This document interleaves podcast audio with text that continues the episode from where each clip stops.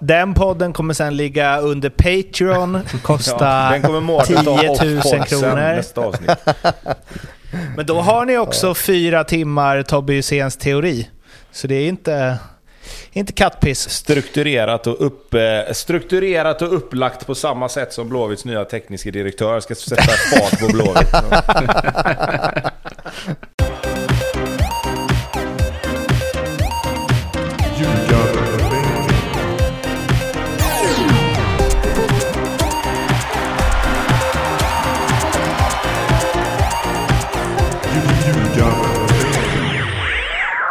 Ljugarbänken i samarbete med Betsson är det här. Det är en kvällsinspelning igen. Man måste ju göra det eh, nu när det är duggar tätt mellan omgångarna. När ni lyssnar på det här så är det förmodligen ja, knappt, eh, vad blir det? Knappt två dygn tills det är eh, match igen. Tobbe, dig tar vi sist. Lasse, hur mår du? Nej, men jag mår, eh, jag mår bra. Eh, 3-0 seger för Norrby idag och haft en, eh, en fin helg tycker jag. Så att jag är tillfreds med situationen. Blomman, vill du ens ha frågan? Eh, nej, vi kan ta Tobbe. Vi kan ta Tobbe. Jag vill ställa frågan då. men jag tänker att, vi, att det blir en... eh, Jag tänkte fråga vad du har gjort idag, men det leder ju oss in på den första matchen vi ska prata om. Det är ju kamratmötet, Blåvitt eh, mot Norrköping, då, då du fick lite, vad säger man, airtime, eller screen time. Precis. Var i, i paus, paussnacket där. Ja. Fick du bre ut dig under, man satt ju lite på spännen då och tänkte oj, hur ska det här gå? Tobias Hysén och max tre och en halv minut. Men Ja. jag tyckte du löste det fint. Men vet man om att det bara är tre och en halv minut så är det inga problem. Vet du. Då får man ju kapa svaren där man har, börj- Okej. där man har tänkt börja. Liksom. Ja, men då gör vi ett eh, experiment i det här avsnittet då. Det ska vara slut om 60 minuter. Ja, okej. ja, det är lugnt. Ta Blåvitt, ta blåvitt först då, så kan, vi, så kan jag hålla käft sen. Det var ju i och för sig en, alltså Ja. du gör det jättebra Tobias, men det är ju så tråkiga Nej, svar. Det händer ju så. ingenting där. Du säger exakt Ja, det så du jävla skicklig alltså. Så Varför ska, jag- skicklig. var, varför ska jag stå där och ge dem en massa när jag kan säga det här?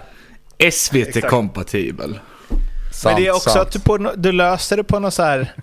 Du blir liksom inte tråkig fast du svarar tråkig för det låter som att du ska vara på väg mot något intressant. Men sen när du är i hamn så har du inte sagt någonting. För att det, Det var alltså, tre en och en halv minut att prata egenskap. på. Ja. Jag är... Det är faktiskt en jävligt ruggig, det är grymt bra spaning där alltså. Det känns som att snart kommer det. Nej, det kommer Nej. inget. Det är eh, en... Eh, fan vad jag är avundsjuk på den eh, egenskapen. Det kommer ta dig långt i tränarkarriären om du bara får ordning på allt annat man behöver ha som tränare. ja, eller om du bara lär dig att vara en bra tränare så har du allt annat. Ja. Eh, Men matchen då, 1-1 Blåvitt tog ledningen eh, första baljan i år och Norrköping kvitterade under första halvlek och sen så eh, hade vi sina chanser Blåvitt där. Eh, en pinne ändå och eh, oavsett hur matchen såg ut så kändes det i alla fall från eh, TVn och om jag ska försöka placera mig själv där som Blåvitt-supporter så känns det som att man efter en sån match mer är att det inte kom ett sent mål för dem. Att man är mest, mer glad över det och att det blev en pinne än att man skulle vara besviken att det inte blev tre. Eh, ja, nej men så är det väl såklart. Eh, samtidigt så tycker jag att med facit i hand så har ju inte Norrköping jättemånga målchanser heller. Och jag tycker ändå Blåvitt har ganska bra kontroll. Men säg det till mig när jag sitter där 87 med 170 puls över varje gång Norrköping får bollen typ. Eh, vi stod... Eh, det var ett jäkla höstväder tänkte jag säga, men det var riktigt eh, tråkigt väder. Så vi stod... Men lillgrabben var med så vi fick stå inne och titta lite. Men vi stod ju några stycken där och det var verkligen så här. Alltså fan om de gör mål här nu. Alltså, det, då, hade det, ja, då hade det varit ridå på riktigt. Men i slutändan så var ju Blåvitt närmare att vinna matchen tycker jag. Jag tycker inte Norrköping kommer upp i kvalitet eh, offensivt. Jag tycker Blåvitt har rätt bra koll på den där trion där fram som vi har hyllat så mycket. Men eh, nej, de, är, de har en liten bit kvar till att eh, ta vara på alla chanser. Men jag tror det var otroligt skönt att få målet och poängen. Och, och därifrån så tror jag rätt mycket kan släppa från, från axlarna på dem i alla fall. Var det någon form av framsteg eh, spelmässigt? Alltså det, du har ju greppat lite halmstrån och försökt se någon positiv utveckling under de här matcherna. Eh, men nu... Ja. Eh, kan du säga ärligt att det ser bättre ut nu? Ja, men det tycker jag ändå. Eh, sen, sen återigen då, då är vi till, till den där klassiken om det var Blåvitt som, som var bättre och Norrköping som gjorde en dålig match, eller om det är någon kombination av allt det där. Men jag tycker att Kalén och Sebastian Eriksson på mitten får tag i matchen på ett lite annat sätt än vad de har fått i de andra matcherna. De möter givetvis inte Malmös eller, eller Djurgårdens mittfält, så mycket av det förklaras ju där. Men jag tycker de är inne i motståndarna på ett helt annat sätt och tacklar och de är bättre med bollen. Jag tycker de kommer till fler intressanta lägen. Sen är det fortfarande lite kvalitet i sista tredjedelen som saknas. Men tittar man på målchanser i den här matchen så är det ju absolut så att Blåvitt har Eh, fler, även om de inte är det är väl egentligen bara Gustav Norlins nick eh, i, ur fritt läge liksom, där, där jag tycker att han ska göra mål. Sen är det nära några gånger. Markovic i sista är ju nära, man kommer lite för nära målvakten.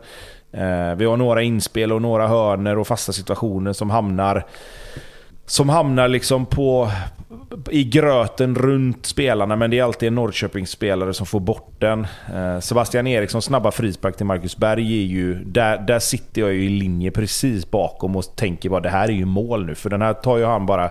Han kontrollerar den här och drar dit den. Eh, men bestämmer sig för att försöka ta den på ett och träffar inte bollen riktigt. Eh, men jag tycker absolut att, att det här var Blåvitts bästa match sett över 90 minuter. Innan har de haft en kvart, 20 minuter i matcherna som varit bra och där har de inte fått utdelning. Nu är de mer jämnbra över hela matchen. Eller ja, vissa kallar väl det jämndåliga då, men jag tycker ändå det finns någonting att bygga vidare på nu.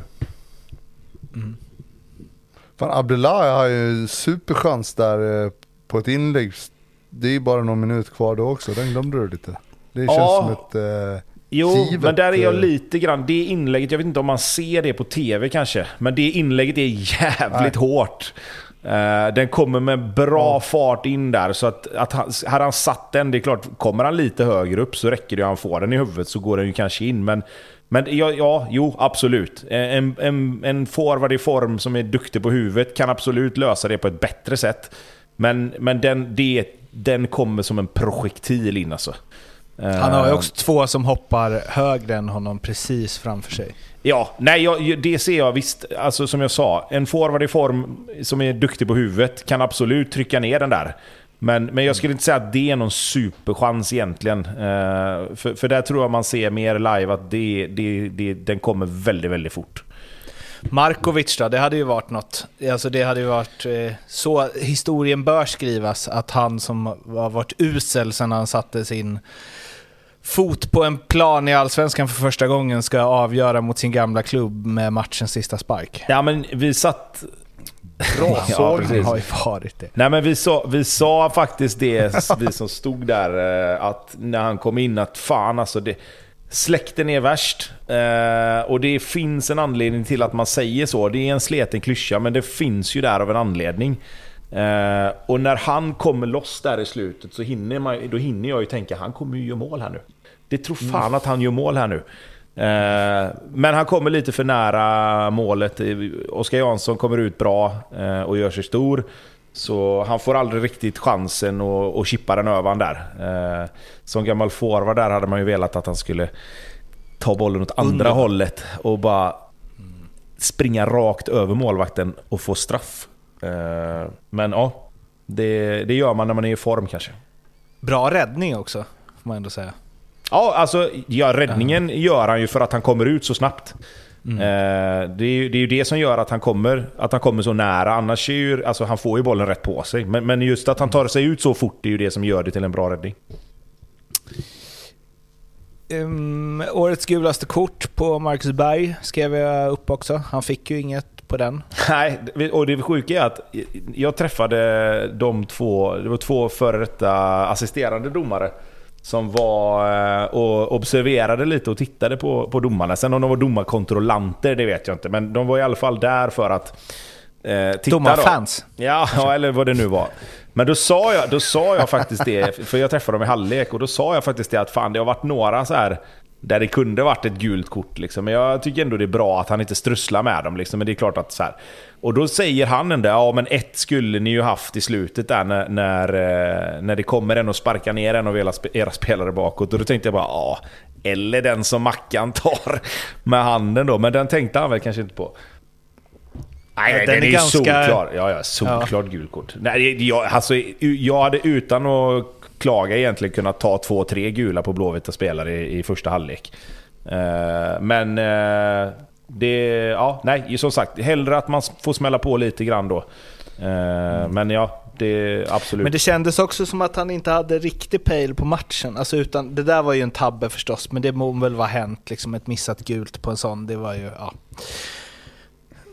Men jag tänkte precis säga det. det Sebastian Eriksson var ju på efter matchen i intervjun där han tyckte att domaren hade tveksam nivå. Det kändes som att, alltså även om det, han, Sebastian tyckte inte det var grinigt, men man mm. upplevde det så från uh, åskådare, från, alltså man tittar på tvn, det kändes som att det, det blev liksom aldrig någon riktig, det var ju en fysisk match, det var skitkul att det smällde och att det var, det var ju sån typ av fotboll, men det blir för mycket avbrott och det, jag, jag, tyckte han, jag håller med Seb där, jag tyckte han tappade lite för tidigt och var lite för petig ja, men Kommentatorn sa ju det att det var, jag vet inte vem det var, om det var Petter, han sa ju att det var en, mil, en miljon frisparkar hade det varit.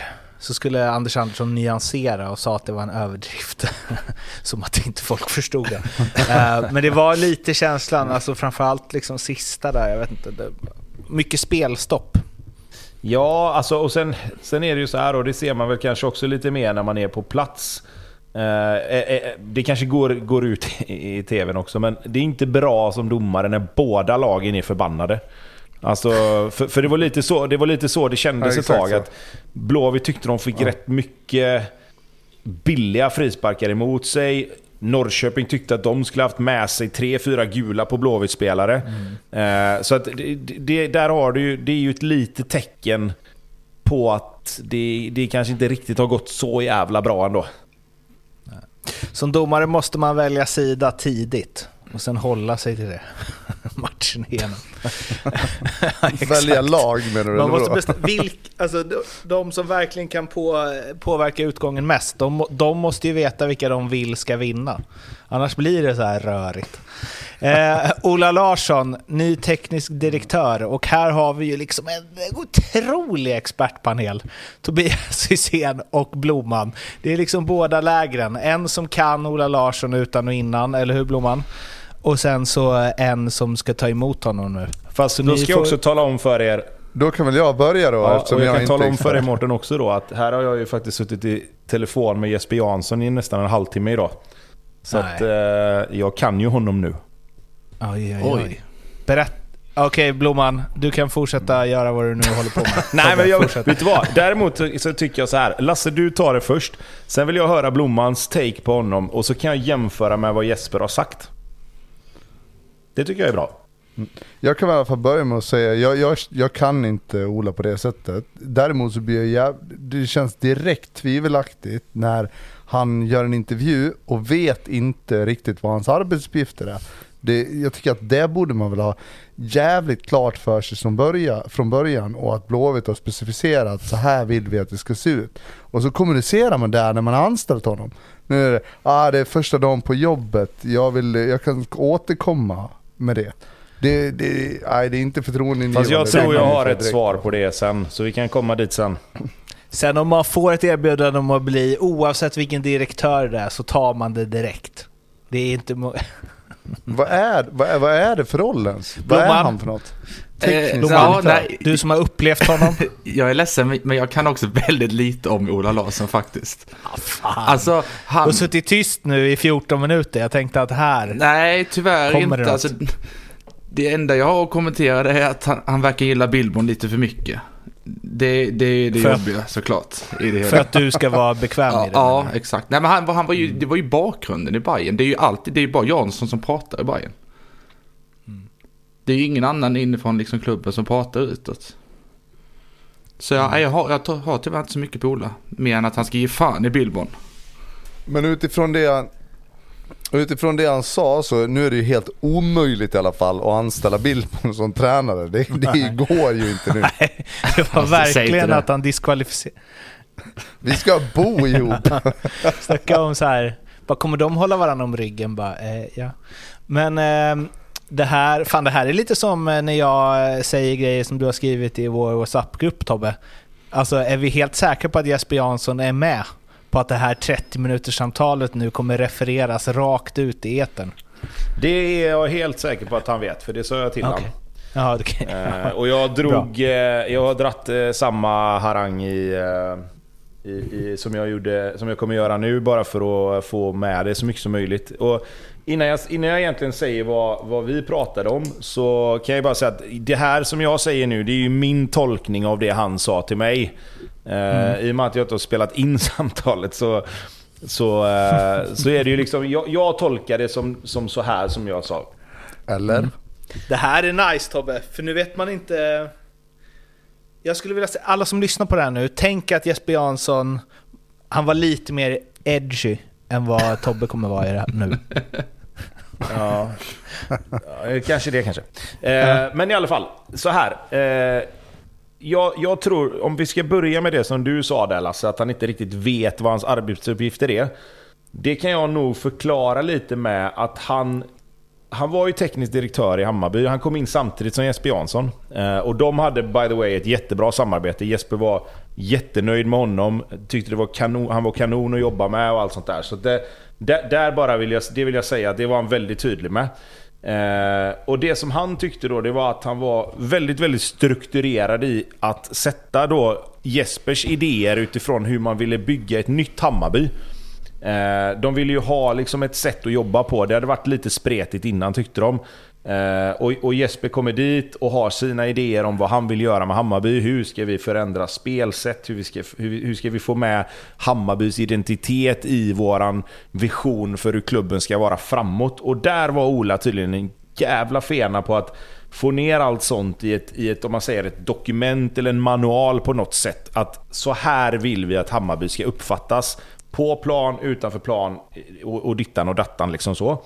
Eh, och där tror jag kruxet är med Blåvitt nu. Att han har ju inte pratat med de personerna kring klubben, eller i klubben kanske jag ska säga. Så han vet ju inte exakt vad det är han ska göra ännu. Det, behöver han sätta sig med det här? Behöver han sätta sig med det här? Eh, jag tror att han vet på det stora hela vad hans uppgift är, men inte riktigt hur han ska ta sig an den förrän han har fått de här, liksom, om man säger, säg att han sätter sig med Håkan, säg att han sätter sig med Stig Torbjörnsson som är scout, kanske med Sportrådet utifrån deras sätt att se på vad som har varit. Och sen samlar han in all den informationen. Han eh, blandar in det då med om man säger att han vill, de vill sätta en vision för hur Blåvitt ska ta sig framåt. Eh, ihop med vad finns, vad, vad, vilken del av historiken som klubben har ska man ta med? Hur mycket ska man ta med? Vil, vilka typ av liksom, verktyg ska man jobba med för att komma dit man vill? Eh, så, så därför tror jag att han kanske inte riktigt vet vad, vad, vad arbetsuppgifterna är ännu. Eh, och för att liksom, ja, sammanfatta det här då på något sätt. Så I Hammarby så satt han och Jesper och plitade ner allt det här, skapade sig en vision och en bild av det här ska vara Hammarby. Eh, och så strukturerade Ola Larsson upp det som teknisk direktör. Hårt sammanfattat liksom. Det jag, det jag tror och hoppas att han gör i Blåvitt nu, det är att han gör likadant fast han tar in info från eh, Håkan Mild, Stig Torbjörnsson då, eh, Sportråd eller vilka det nu än är Blåvitt vill att han ska samarbeta med. Och sen utifrån sina egna erfarenheter skapa sig en bild av, okej, okay, det här behöver göras. Och sen strukturerar upp det ihop med all den infon han har fått. För om man bara ska in och sätta pränt på det som redan finns där så kommer det inte bli någon större skillnad. Och då, då, då, tror, då hade man inte heller tagit in honom tror jag. Eh, så att jag tror att det som han gör är att han plitar upp en egen variant, en blåvit variant av det som han har med sig i bagaget och det han får reda på. Och så får Blåvitt ett sätt, okej okay, det här är nya Blåvitt då, eller vad man ska kalla det. Eh, och sen så kommer han se till att det följs. Eh, för det, det sa Jesper också är väldigt bra, att när Jesper sen då skulle värva en spelare så kunde, så kunde Ola komma till honom och säga men fast vet du vad? Vi har kommit överens om det här och den här spelaren passar inte in i det här. Så honom kan vi inte värva. För då går vi ifrån det som vi har bestämt. Eh, och det tyckte jag var en väldigt bra input att, att få med. Liksom, att han inte är rädd för att säga mm. ifrån där och han är inte rädd för att se till att det här som man kommer överens om följs. Så att... Eh...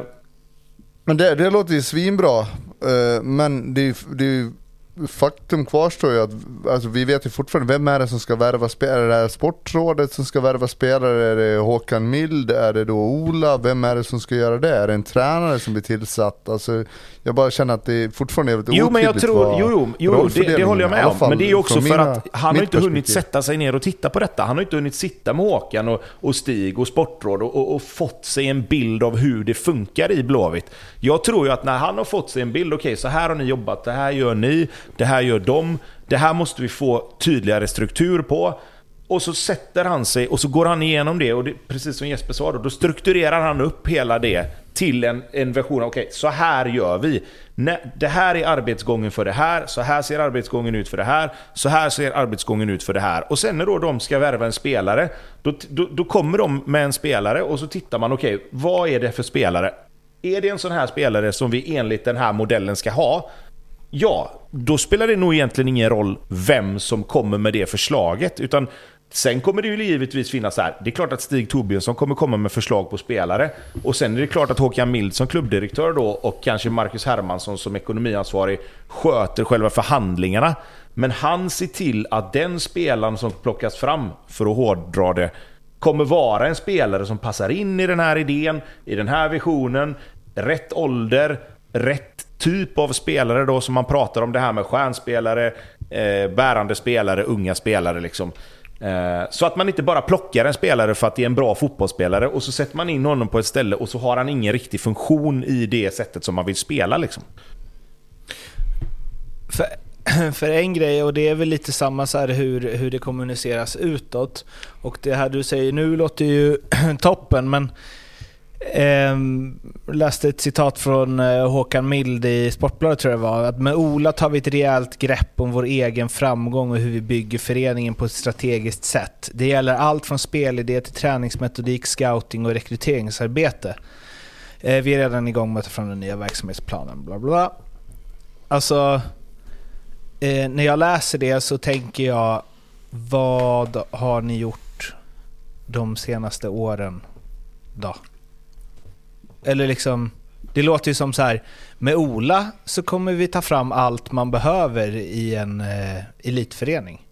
Vi har jo, men, inte gjort det innan. Nej, och jag tror, alltså, jag tror så här att det, det, det, är klart att man reagerar på det. Varför har inte det funnits? Men jag tror också att, så att det har varit så många olika kockar. Det har vi pratat om förut. Det har varit olika mm. ordförande, olika klubbdirektörer, olika sportchefer under de senaste åren. Olika tränare. Nu vill man väl, nu, nu tänker man väl att okej, okay, ordföranden Rickard Berkling kommer vara där, klubbdirektör Håkan Mild kommer vara där.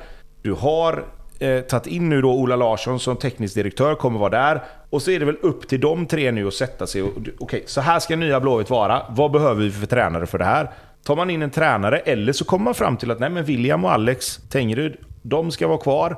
De får det här året på sig. Eh, de kommer kunna förvalta det vi vill göra.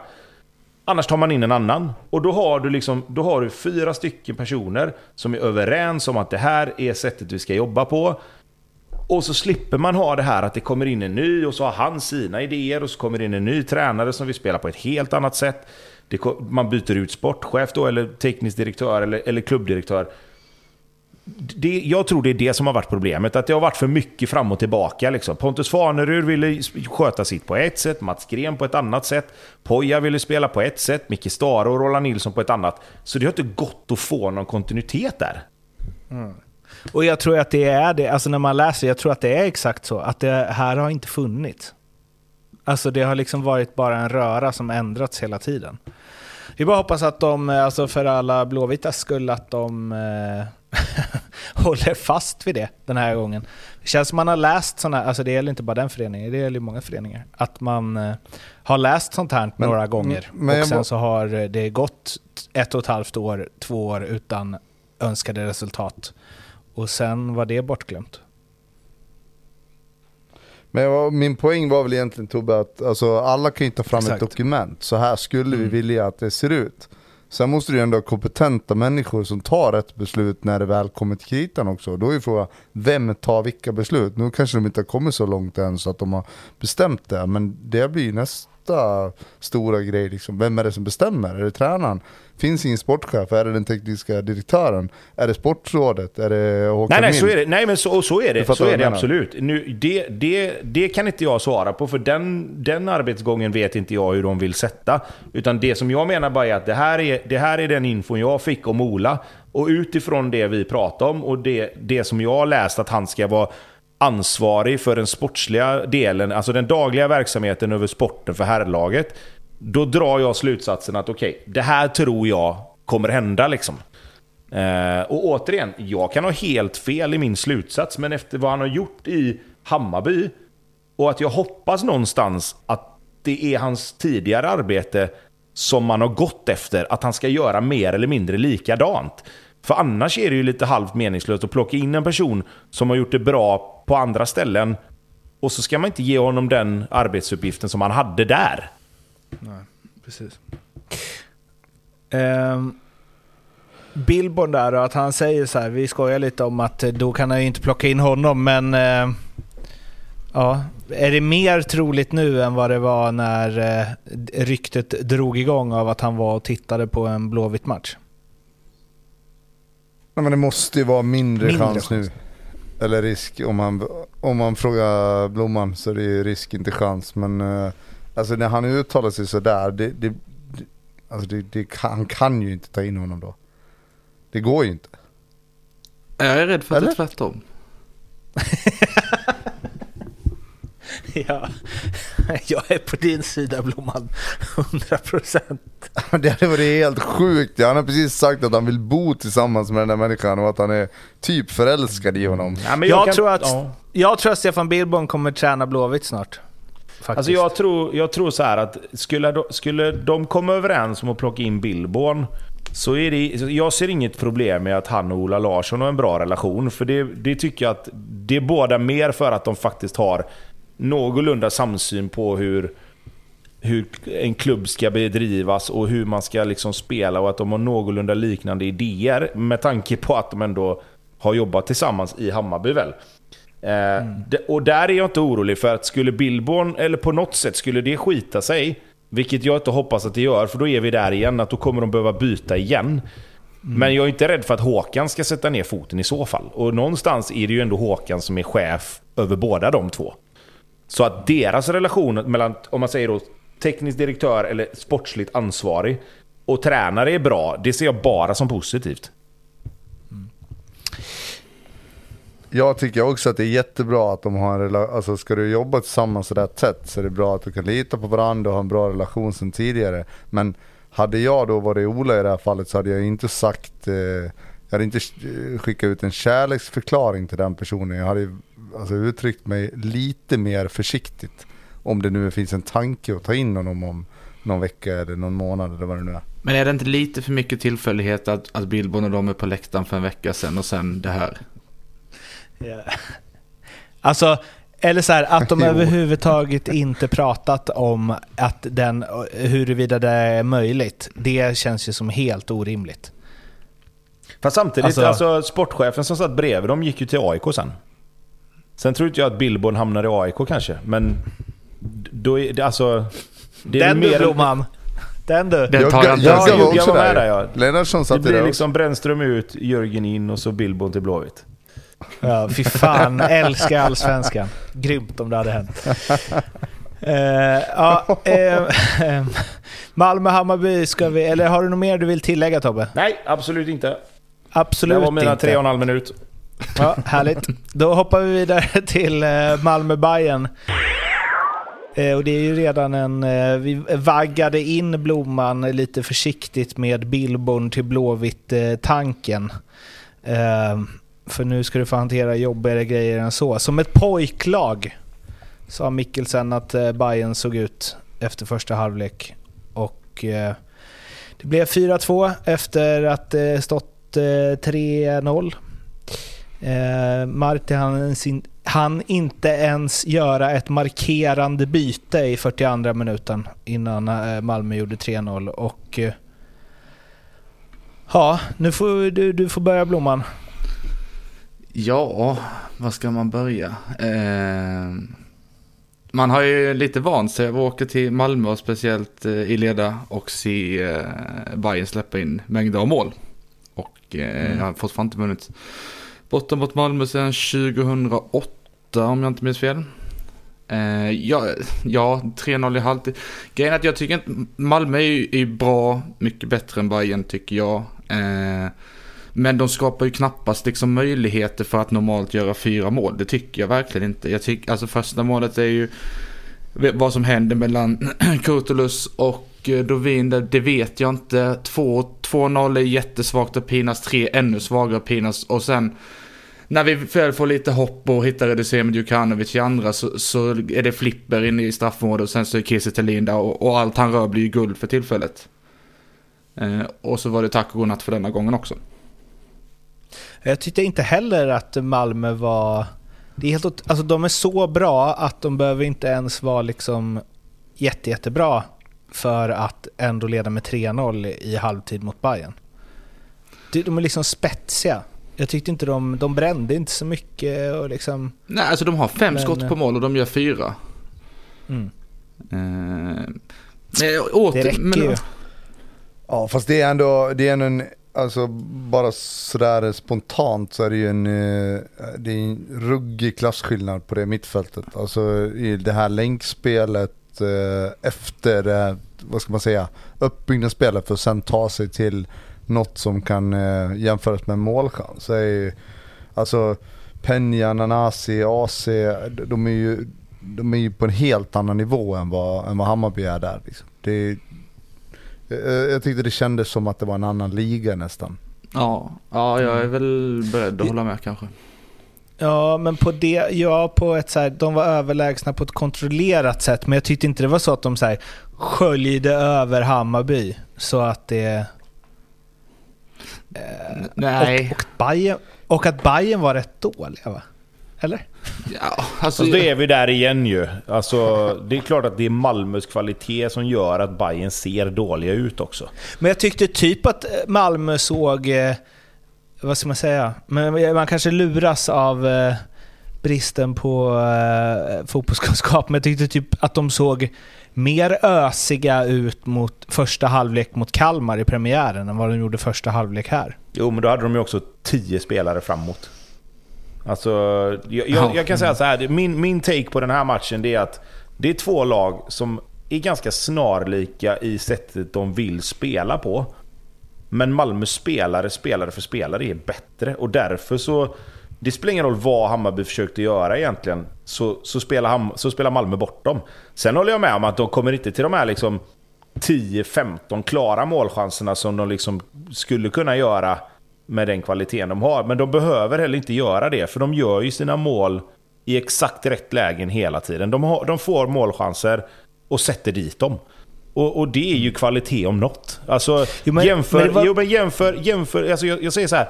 Hade du bytt nu, nu är det lätt att säga liksom, men hade du, liksom, du hade ju kunnat byta ut vem som helst i Malmö och satt in någon annan på deras bänk.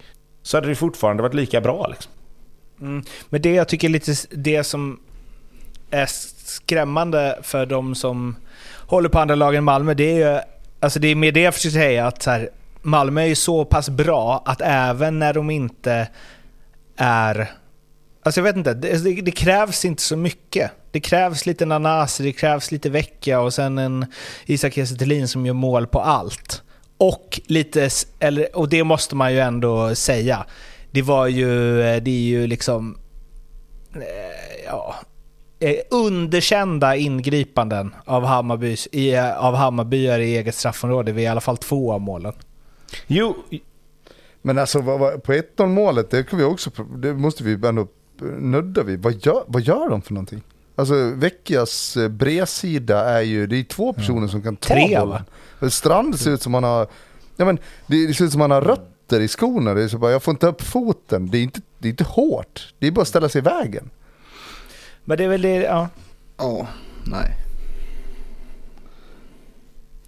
Ja, jag tycker i alla fall att, alltså jag tycker Hammarby började ändå okej. Jag tyckte deras omställningar är hyfsat farliga. Djukanovic får en sån där drömläge där med eh, på, på lite, lite på bortre ytan där han kan sätta en bredsida. Nu drar han den 10 meter över den här gången men klart att får, får man 1-0 så kanske man kan ju skapa en annan matchbild men det är ju det som är så sjukt med Malmö att man tycker att när de, när de måste då bara växlar de upp lite grann. Och så, ja, Hammarby gör 3-1, ja men vänta nu. Då, då har vi har en växel, vi har två, vi har tre växlar till om vi behöver. Det är lite den feelingen man får. Ja, och så eh, min kollega och gode vän Oskar Månsson twittrade att, eh, att om Malmö kommer slå poängrekord i Allsvenskan i år.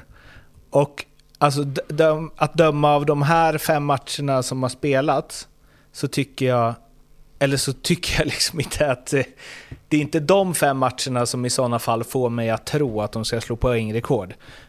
Eh, utifrån hur de har spelat i dem. För de har liksom kommit undan ibland också. Alltså både Kalmar och eh, BP framförallt kanske. Eh, men de har ju... Eh, man, det finns en känsla av att, att de kan växla upp om de behöver. Men jag tycker inte att man har sett det. Jag tycker inte de har satts på det provet än. Att så här, nu måste ni verkligen prestera på topp en hel match. Fast de har ju, alltså så här. De, de, de börjar ju med att slå Kalmar 1-0 och då spelar de ju typ 2-7-1. Alltså de hade ju så mycket folk framåt så det var ju galet. Så kommer de ju liksom inte spela någon mer match. Och sen mot BP, då kommer de liksom... Okej, okay, de kommer undan mot BP, absolut. Men sen efter det så har de väl växlat upp, eller vad? Det, det är liksom, de slår Norrköping hemma 3-0 ja, utan definitivt. att förta sig. De slår Hammarby 4-2 som ändå... Visst, nu har inte Hammarby varit så bra som man hade kanske tänkt. Men jag menar... Är inte det att växla upp och bara avfärda de två lagen liksom rakt av? Alltså Norrköping, visst. De vet man ju aldrig vad man har riktigt, men de hade ju ändå varit helt okej. Okay.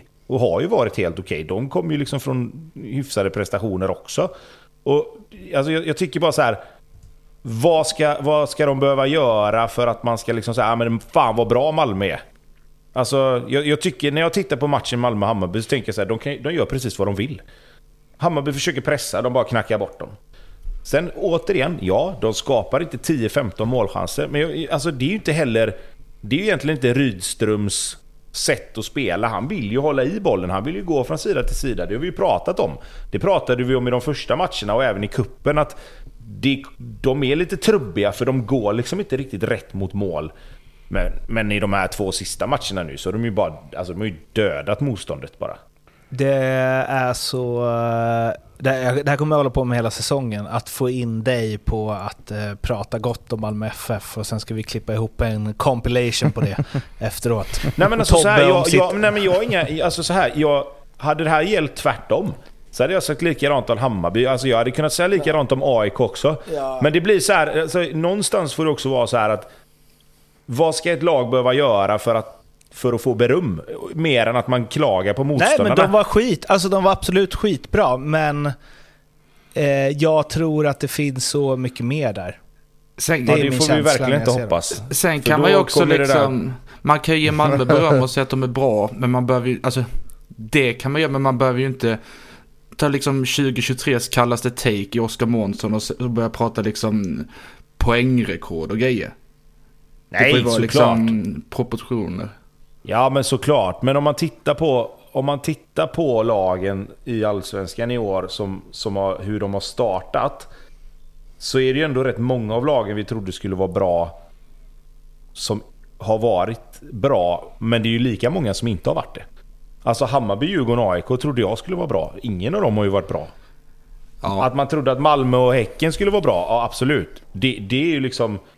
Det har de ju varit. Elfsborg klättrar ju upp där också. Kalmar har också varit helt okej, okay, men inte på samma nivå. Alltså Häcken och Malmö är ju... Sett till de här första omgångarna på en egen nivå. Men då kan vi säga så jag tycker inte att Malmö dominerar offensivt på samma sätt som Häcken gör. Alltså jag tycker inte de på samma sätt liksom sköljer över mot... Och jag tycker, alltså som när Bayern var som bäst, det är väl några år sedan nu. Men liksom deras offensiv då, framförallt på hemmaplan, den, alltså där man så visste bara, de kommer göra tre mål, fyra mål. Det är inget snack. Det, det det kommer handla om så är huruvida det kommer bli 5-0 eller 5-2 för att de slappar till på slutet. Den liksom total, det känner inte jag med Malmö än. Men jag tycker det, ja, jag håller med dig. Eh, det känns inte som att de, det, men det är ju Rydström också, det är inte samma ös framåt hela tiden utan det är ju en kontrollfotboll på ett annat sätt. Men den gör de ju på ett fantastiskt sätt och framförallt med det där mittfältet, Hugo Larsson, jag vet inte, ja han har väl alltid varit bra tänkte jag säga, han är ung men, men eh, det känns som han har växlat upp, Penja, fantastisk, AC börjar komma in i det mer och mer. Eh, man gnällde på honom förra året men han gör ju mm, match på match på match som är riktigt bra nu. Och sen dessutom eh, med Nanasi, med Vecchia som jag fortfarande tycker kämpar lite grann. Han är inte inne i det riktigt. Eh. Och sen slänger man in en Taali och Kiese bara sprutar in baljor. Alltså, de, de, de ser ruggigt bra ut. Det, det gör de verkligen. Ja, och vi får också tänka på att även om inte Hammarby har varit jättebra, så är det fortfarande Hammarby de möter. Alltså det är liksom inte... Det är, alltså de åker ju inte, med all respekt för de lagen som ligger längre ner. Nu så gjorde de ju bara ett på Blåvitt, men de hade ju kunnat göra fyra på Blåvitt också. Om de bara hade haft samma effektivitet som de hade i den här matchen. Och, och ska vi vara helt ärliga, så den enda matchen som de hade kunnat alltså, ryka på poäng egentligen, det är väl egentligen både BP och Kalmar om man tittar till att Kalmar har de lägena de har i slutet. Men där är ju samma sak där. Där skulle ju Malmö gjort fler mål också. Det är väl egentligen bara BP då. Där man tänker att okej, okay, här, här hade de lite flyt. Alltså, här, där var de inte så bra som de kan vara. Och sen en, grej, ja, men en sista mm. grej. Du vill ju inte att Malmö ska börja den här säsongen med fem raka segrar heller. När du vet det att de kommer bli bättre och bättre bara. Allsvenskan, det är ju tråkigt för alla oss som följer och som poddar och så om det. Men det är ju redan klart ju. Det här tappar Malmö aldrig. Ja, det är om Häcken skulle trampa igång då. Alltså aldrig. som de har gjort. Nu har de bara förlorat en match, men jag tycker det finns mer där också. Eh, men det kommer vi väl till. Vad är rimligt odds på att Malmö vinner, Blomman? 1,10? Ah, 1,05? Jag så här, jag kan säga lika säker som vi var innan säsongen på att Häcken skulle vinna, lika säker nu på att Malmö kommer vinna. men ja, nej, men det, det, det, i min bok är det, är det rätt så låga odds där också. Ja, det är klart. Ja.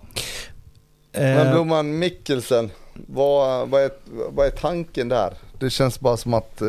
Förklara nu Blomman, varför värvar ni honom? Snälla, ja, kan du berätta för mig? Nej, men det, men det, är väl, det är ju konstigt för det verkar ju inte vara någon som riktigt vet det. Eh, och det kanske man ska veta om man värvar någon för 15.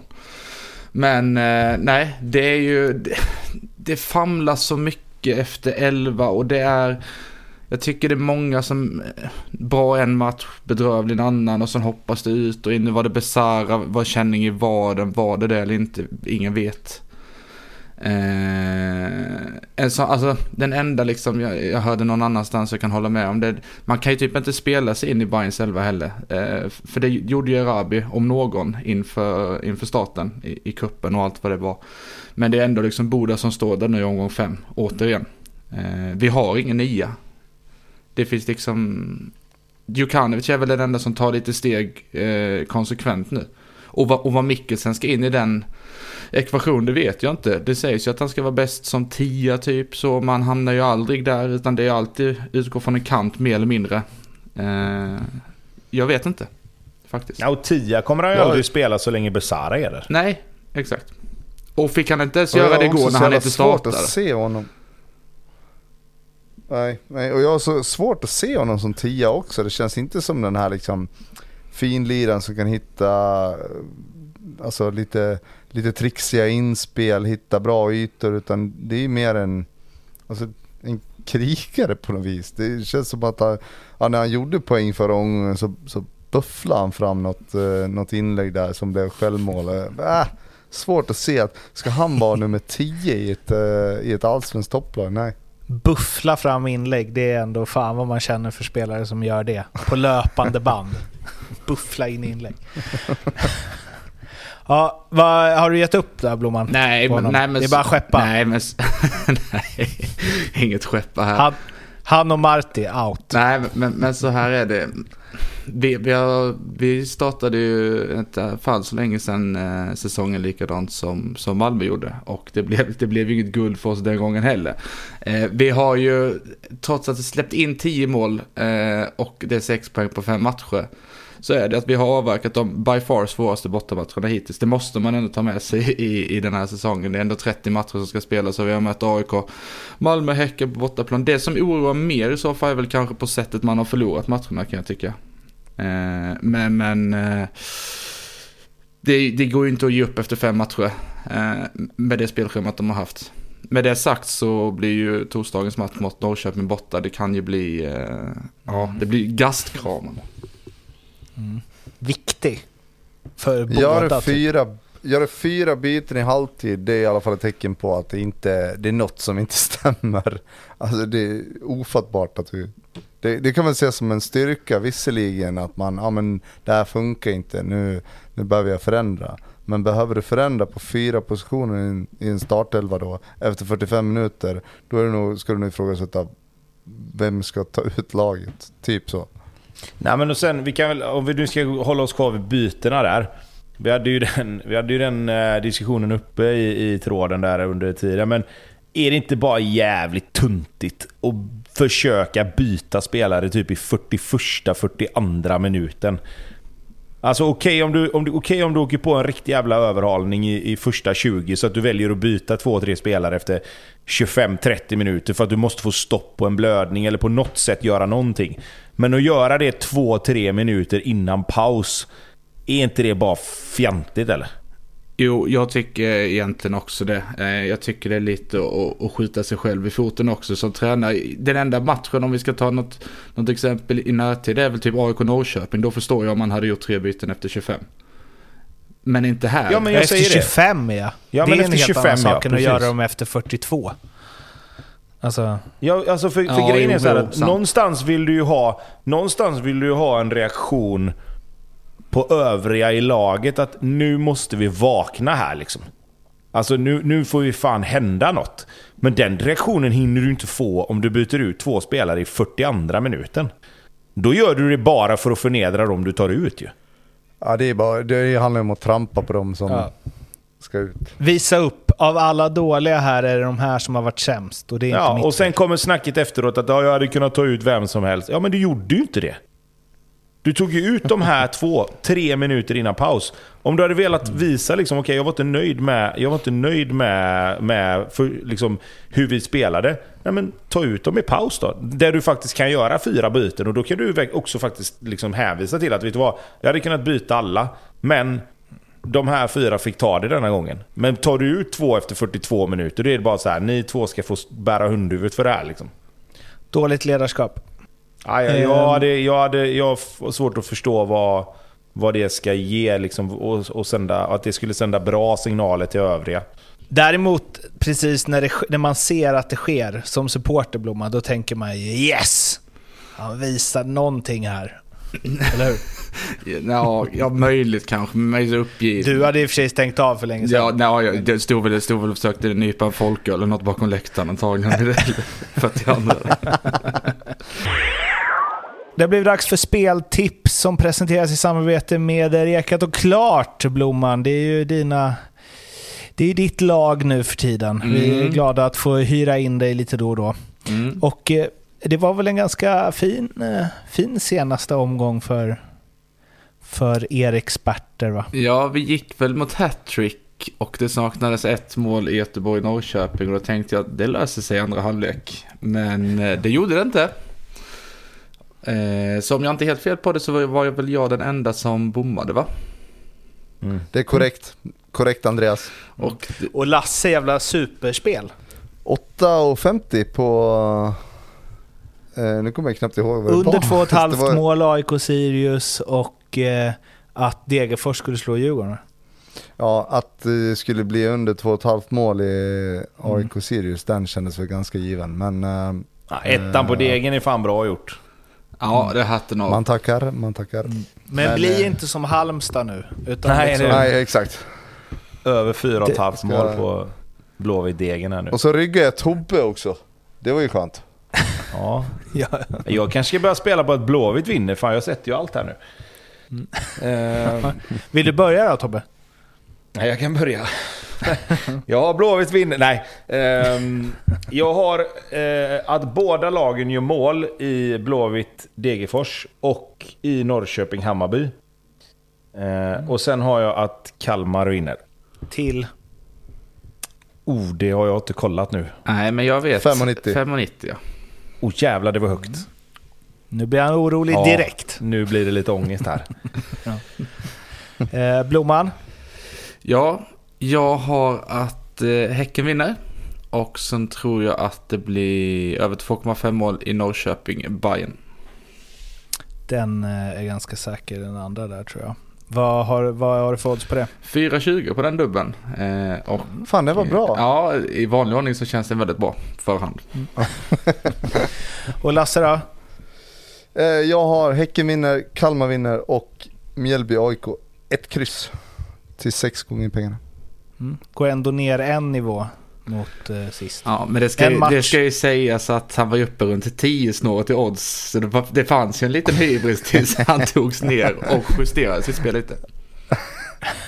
Ja, eh, jag, jag kände, det var inte hybris, men ändå var det det när jag, jag läste det i text där. Att, ja, eh, jag var tvungen att revidera lite grann, så det blev ett ett kryss istället för en etta på, på Medby. De här spelen hittar ni i alla fall hos Betsson under eh, godbitar, spe, specialspel, godbitar, ljugarbänken. Kom ihåg, spela ansvarsfullt, du måste vara minst 18 år för att spela och behöver du hjälp och stöd så finns stödlinjen.se.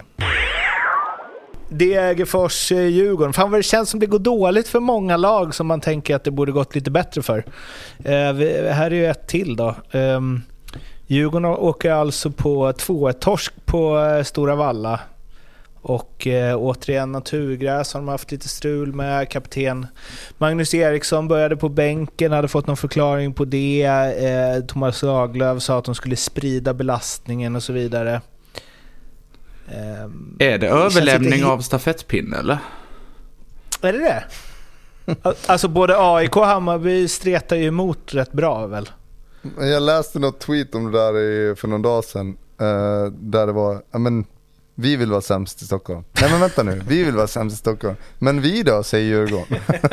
Exakt. Eh, nej, det, är ju, det känns inte som att det är helt... Uh, känns som det är en bit ifrån att de ska få koll på grejerna, Kim och Tolle. Ja, men jag tyckte den där hängde lite i luften. Eh, att de skulle åka till bruket och åka på, på stryk. Jag tycker inte det har sett så bra ut på ett tag. Sen har de kommit undan i vissa, vissa matcher ändå. Men, men eh, eh, på något sätt ändå vänta. Jag tycker inte Djurgården är dåliga. De, är, de har inte varit dåliga i någon match egentligen. Men det händer alldeles för lite. Och de chanser som de väl skrapar fram då är, då är de inte kliniska i dem, så då får de inte den här förändringen i matchbilden. Prata om att mål, eh, mål förändrar matchbilder och det är, det är återigen en gammal klyscha, men det är ju verkligen så att har du inte varit på de där situationerna som väl dyker upp, Eva, eh, Eversen har en eh, superchans i början på andra, eh, som han nickar mitt på, ja men gör mål på den så har vi inte den här situationen. Eh, men nej, de, jag, jag tycker Djurgården kämpar. Jag vet inte riktigt, eh, det är svårt att säga exakt vad de kämpar med. Men, men de, de, eh, jag hade velat sett ett lite rakare Djurgården. Jag tycker det, det krånglas lite för mycket. Eh, och sen att Mange Eriksson, alltså att du sätter kaptenen på bänken, det är väl fine. Eh, om man behöver vila eller vad det nu kan vara. Men då får ju kommunikationen vara jävligt tydlig från båda håll. Att, nej men, eh, Mange vilar för att vi har mycket matcher. Eh, inte att han säger det ena och tränaren säger det andra liksom.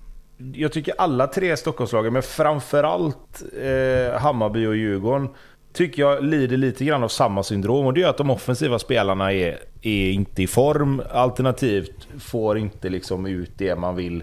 I Bayerns fall handlar det ju kanske mer om att jag tycker ändå att Hammarby tar sig fram, men att kvaliteten på spelarna där fram är inte tillräckligt bra.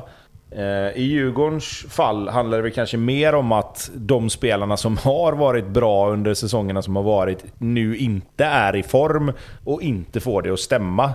Eh, och, och det lider ju Djurgården otroligt mycket av. För att är det någonting som de inte riktigt har haft under åren som har varit innan så är det ju om man säger då, om vi nu ska gå till hockeyspråk som du älskar Mårten, så är det ju secondary scoring liksom. Alltså varken Mange Eriksson, Hampus Findell eller Schüller har ju egentligen gjort x antal mål. Nu har Findell gjort lite i år, men det är också de målen Djurgården har gjort ju. Eh, Hammarby har ju inte riktigt samma problem, för de har ju haft Besara som, som har chippat in från, från mittfältet om man säger. Eh, och AIK handlar det väl mer om att en organisation, alltså organisatorisk fråga. att De kommer ju inte till så många lägen som de vill, men det är ju samma sak där. Varken Gudetti, Faraj eller Victor Fischer är ju där som man trodde, eller att, som, som deras lag hoppades att de skulle vara. Eh, det, det ser jag, alltså det är ju en ganska liksom, det, det, är en, det är en liksom gemensam faktor för alla tre Stockholmslagen egentligen. Och sen tycker jag ändå liksom att när Djurgården kommer ut så starkt som de gör och Degerfors får inte låna bollen.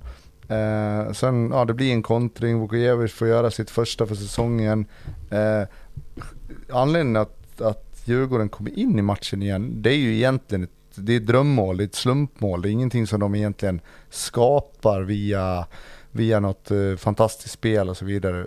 Och när de då får det här gratismålet, då tänkte jag direkt att, jag kallar det gratismål, det var ett supersnyggt mål, men, men eh, då tänker man, ja men där, nu kanske det lossnar för dem. Så kommer de ut i andra halvlek och sen är det samma sak en gång till. Samma veva återigen, de har svårt med det här höga pressspelet som de blir utsatta för, de tar sig inte loss. Eh, och när man väl skapar en, en jättechans så gör man inte mål på den. Och Oliver Berg uh, var väl precis den som du, som det du var inne på Tobbe, att det är det där secondary scoring. Han ska göra sina baljor, han ska göra sina assist. Uh, men han har ju varit totalt iskall i och runt boxen. Uh, även om han har skapat en hel del i andra matcher så han, han gör ingen poäng. Nej, och det är väl en sån sak som kanske kommer. Jag såg en eh, eh, statistikanalys av honom av eh, Marcus eh, Bring där han analyserat hans tävlingsmatcher för Djurgården hittills och att det bara är en så kallad tidsfråga innan det lossnar. Men det är ju... Ja. Jo men då, men då, Ibland då ska det också... de där tidsfrågorna i sig. Ja, och sen ska det också, då, då tar man ju också för givet att han ska fortsätta skapa chanser och fortsätta komma till avslut. Vad händer om det blir tvärtom? Det är ju det där man pratar om med lag som gör bra prestationer. Att fortsätter man göra bra prestationer så kommer det till slut lossna och du kommer till slut få målen och vinna matcherna. Men det kan ju också gå åt andra hållet. Det kan ju bli att Oliver Berg helt plötsligt slutar få målchanser. Hans, hans självförtroende blir så pass att han hamnar inte i de lägena. Alltså för att han, inte, för att han börjar tänka för mycket och helt plötsligt så... Ah, jag har inte gjort mål, vad, vad, ska jag göra? Och så börjar man göra saker annorlunda istället för att försöka fortsätta hamna i samma lägen. Fortsätta ta sig in i samma ytor och så hoppas att förr eller senare så litar jag på min kvalitet, då kommer jag göra mål. Men ofta blir det ju inte så. Utan ofta blir det så här att du börjar tänka lite, fan jag måste ta mig till andra lägen, jag måste ta mig till andra ytor. Och så blir det tvärtom. Att då kommer inte chanserna längre och så skapar du inte målchanser alls. Nej. Nej, och det är väl det, så här, det jag menar med att så här, tidsfråga, alltså till slut blir tiden så lång att det liksom inte mm. är någon tidsfråga längre. Eller man säger. Man har ju en, eh, han har en helt överlägsen eh, expected goals eh, per skott. Alltså han är dubbelt mot vad Edvardsen har. Och det är liksom, ja, Wikheim är också 25% lägre. Alltså, Jo men Edvardsens problem är ju inte att han, att han missar. Edvardsens problem är ju egentligen att han, att han, han kommer inte riktigt till lägena liksom. Han, han, har ju hamnat, han har ju hamnat i det där som jag sa, när man har en spelstil som han har. Att man tänker lite för mycket var man ska springa. Man tänker lite för mycket hur man ska ta sig in i straffområdet. Och hur ska jag söka mig till, till avslut? Istället för att bara, okej, okay, hur har jag gjort innan? Titta på gamla matcher. Vad gjorde jag som var bra? Hur gjorde jag målen? Vilka ytor tog jag mig till?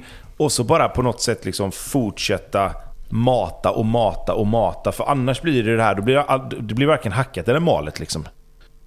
Det är så, det, jag liksom läste den här första gången nu, med, för jag läste bara rubriken för att det var därför scrollade jag lite under tiden. Han har ju alltså högst eh, expected goals och expected eh, assist notering. Om man kombinerar dem har han högst av alla i Allsvenskan. Berg? Ja. Mm. En rätt bra bit för tvåan. Olden Larsen. Eller LOL, som du tycker är roligt Tobbe. Ja, Ehm, Men eh, ja, vi, det... Jag vet inte, jag tycker det är så jävla svårt det där. Om man ska se det som att så här, mm, det kommer bli bättre. Eller att eh, det du är inne på Tobbe, att så här, ja, men om, det inte, om det inte blir bättre snart då, vad händer då? Om det går åt andra hållet istället. Eh, degen då? Det blir som att vi bara pratar om Djurgården här trots att de eh, förlorar. Nej men Degen gör det bra. Eh, som, som Lasse sa så hade de ingenting att hämta första halvtimmen typ. Men sen, de, de, alltså de blir ju kvar i matchen och dessutom så gör de ju mål Alltså lite grann mot vad man tänkte skulle hända. Det låg ett, ett mål i luften lite och så är det Degerfors som gör det istället. Eh, och där har vi ju din, din gubbe Lasse. Vi snackar ju om att vi, vi vill se han gå i djupet och utnyttja det lite mer. Att han inte riktigt har velat göra det innan. Och här ser man ju vad som kan hända. Det var ju den här Vukojevic vi såg i kuppen mot Malmö. Där han rev sår i Malmös försvar genom att egentligen bara springa i djupled och kontra liksom. Eh, och jag tycker ju att där är han ju som allra bäst av det jag har sett av honom. Och jag hoppas att han förstår det själv liksom. För att det är ju den spelaren Degen kommer behöva när de har Campos och så kan de ha Örqvist som gör lite både och. Och, och liksom Gravus och, och Salmon och alla de här på mitten som kan utnyttja ytorna som blir när han drar iväg. Ja, jag tror det är jätteviktigt. Ja, jag tror det är jätteviktigt för Degerfors att de får igång och för, för Dian själv också. Får göra det. Han sa det i pausintervjun och bara bli av med det där. Nu har jag gjort första målet, nu är det bara att köra på. Eh, jag tror att det kan lossna lite grann. Men återigen, det är som du säger Tobbe. Ha, de, de ska försöka komplettera varandra och i, i det Degerfors som står på banan mot Djurgården och vanligtvis så det är hans roll att försöka att dra iväg och riva sår i i, eh, i backlinjen liksom. Och med den speeden han har och den styrkan han har så det är det han ska syssla med. Eh, och så ska han skjuta på mycket mer, han ska skjuta på allt. För han skjuter som en häst med båda fötterna. Men, Men jag fattar Eh, inte varför man inte jag- vill gå i djupled när man är så bra på det. ja, skev självbild kanske, jag vet inte. Men jag tycker att han har blivit mycket bättre. Och det blev han ju sista åren i, i eller sista året i alla fall i Superettan också. När han väl så här, förkovra sig i att det här ska jag göra, då gör han ju det på ett bra sätt. Så att, eh, och får du då betalt eh, som han fick nu så känner han väl kanske, ja men då, då är det värt det på ett annat sätt också. Sen tycker jag att eh, Degerfors är, alltså de, de gör en relativt bra hemmamatch, men det är ju det är inte så att de på något sätt eh, är bättre än vad Djurgården är. Eh, de gör två mål. Uh, tycker jag Örqvist hamnar fel i sin roll där centralt också. Jag tycker inte han är tillräckligt tillräckligt bra eh, i, i den rollen. Jag hade gärna sett honom på en höger, höger ytter liksom och fått pensla upp och ner och vara, vara grisig och ta sig in i straffområdet på ett annat sätt. När du ska vara med i, ett- i en speluppbyggnad och vara den som slår fram de här sista passningarna, det har han inte riktigt. Om vi hoppar till eh, AIK, Sirius. Eh, på tal om eh, att inte få fram de där sista passningarna riktigt då. De kom väl i och för sig fram i den här matchen, men det var väl de här sista avsluten som inte var av skarpaste kvalitet. Eh, Victor Viktor Fischer återigen på bänken från start, byttes in och ja, vi hade ju en, eller ni hade ju en diskussion förra avsnittet huruvida han ni tycker han ska spela eller inte. Och ja, jag vet inte. Han stärker inte sina aktier. Det är ju liksom otroliga lägen han bränner. Men det tycker jag ändå han gör. Jag tycker det blir en stor skillnad i AIK-spel när han kommer in. Sen är det klart, det var vi inne på förra veckan också. Men gör mål på de där lägena så behöver vi inte ha den här diskussionen. Och ingen, ingen i AIK behöver diskutera det heller. Men eh, det har han inte gjort än. Nej, och, och sen, sen kan man ju också stärka sina aktier genom att bara inte vara dålig. Eh, nej men alltså, det, jag menar jag lyssnar ju på John Guidettis intervju och han är ju brutalt ärlig mot sig själv där att det här var ju inget bra. Det var ingen bra, det var ingen bra John Guidetti ni fick se idag och det har han ju rätt i. Eh, sen om det beror på att han inte har spelat på länge och att han inte är i matchtempo, det är klart att det gör det. Men också så här, en sån spelare som har den kvaliteten när han är i form måste kunna göra det bättre ändå. Alltså jag, jag tittar ju på John Guidetti och tänker så här, fan. det här måste du, det här måste du lösa oavsett om du inte har tränat eller spelat på fem veckor. Alltså okej okay, att man inte har flåset, okej okay, att du inte riktigt har tajmingen, men jag menar så, så bra spelare som han är, så måste man kunna kräva en viss lägstanivå ändå. Där tycker jag han där tycker jag han mer ska vara irriterad på sig själv, att han inte gör de här enkla grejerna bra ens. Eh, men jag tror att det här är en sån, liksom, om man, om man, nu, nu känner inte jag John på det sättet, men om jag bara tänker på hur han är och hur man uppfattar honom, så, så var det en sån prestation där han lite grann så här, nej, fy fan, det här var inte bra, nu jävlar. Och så kommer han ut och så får han bara vara frisk liksom. Det är väl också ett stort jävla om. Men då tror jag att det kommer bli helt andra, helt andra bullar i nästa match. AIK då generellt var... Ja, det är ju den här stafettpinnen vi pratar om och det blir ju efter 0-0 med Sirius och det, hur det har sett ut innan, det blir ju bara, bara, bara negativt efteråt. De gnäller på att de inte fick en straff. Eh, Fischer får berätta att han blev missförstådd eh, kring sitt uttalande om att Brännan hade förlorat matchen. Det är lite oklart. Fischer, de hade räknat bort honom från att starta, men han mirakulöst återhämtar sig, eller vad det var Brännan sa. Eh, Milosevic säger att liksom han och Nordfält och Guidetti måste ställa krav på... Och vi, liksom man måste visa vad som krävs för att man ska spela i AIK. Eh, och sen en eh, Manuel Lindberg sjukskriven på det. Alltså det är inte mm. så att... Eh, man, det är inte så att de är på rätt väg direkt. Ja, det var inte så Nej, att... Då, det, alltså... ja, förlåt, det, var, det var inte så att när det började blåsa i AIK så blev de bättre. Nej. Nej. Nej.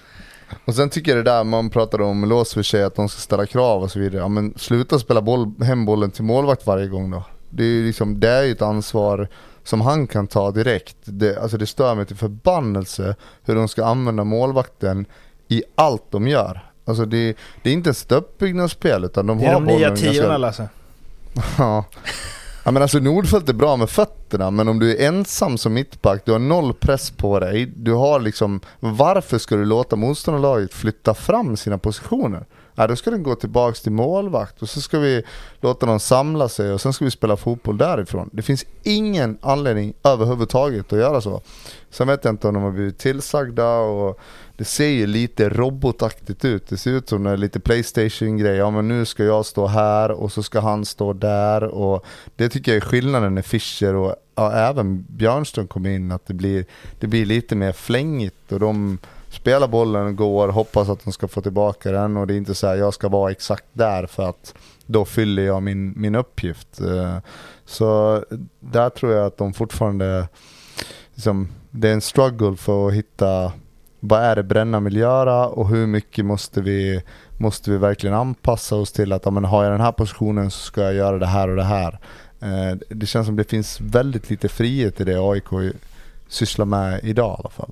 Men sen, sen är det också, det är samma sak här liksom att de, de, de offensiva spelarna är inte i form, du får inte ut det du vill av dem. Då blir det ju också så att Står du då som Alexander Milosevic och tänker nu trycker jag en boll efter backen upp på en felvänd forward här som kan länka med resten.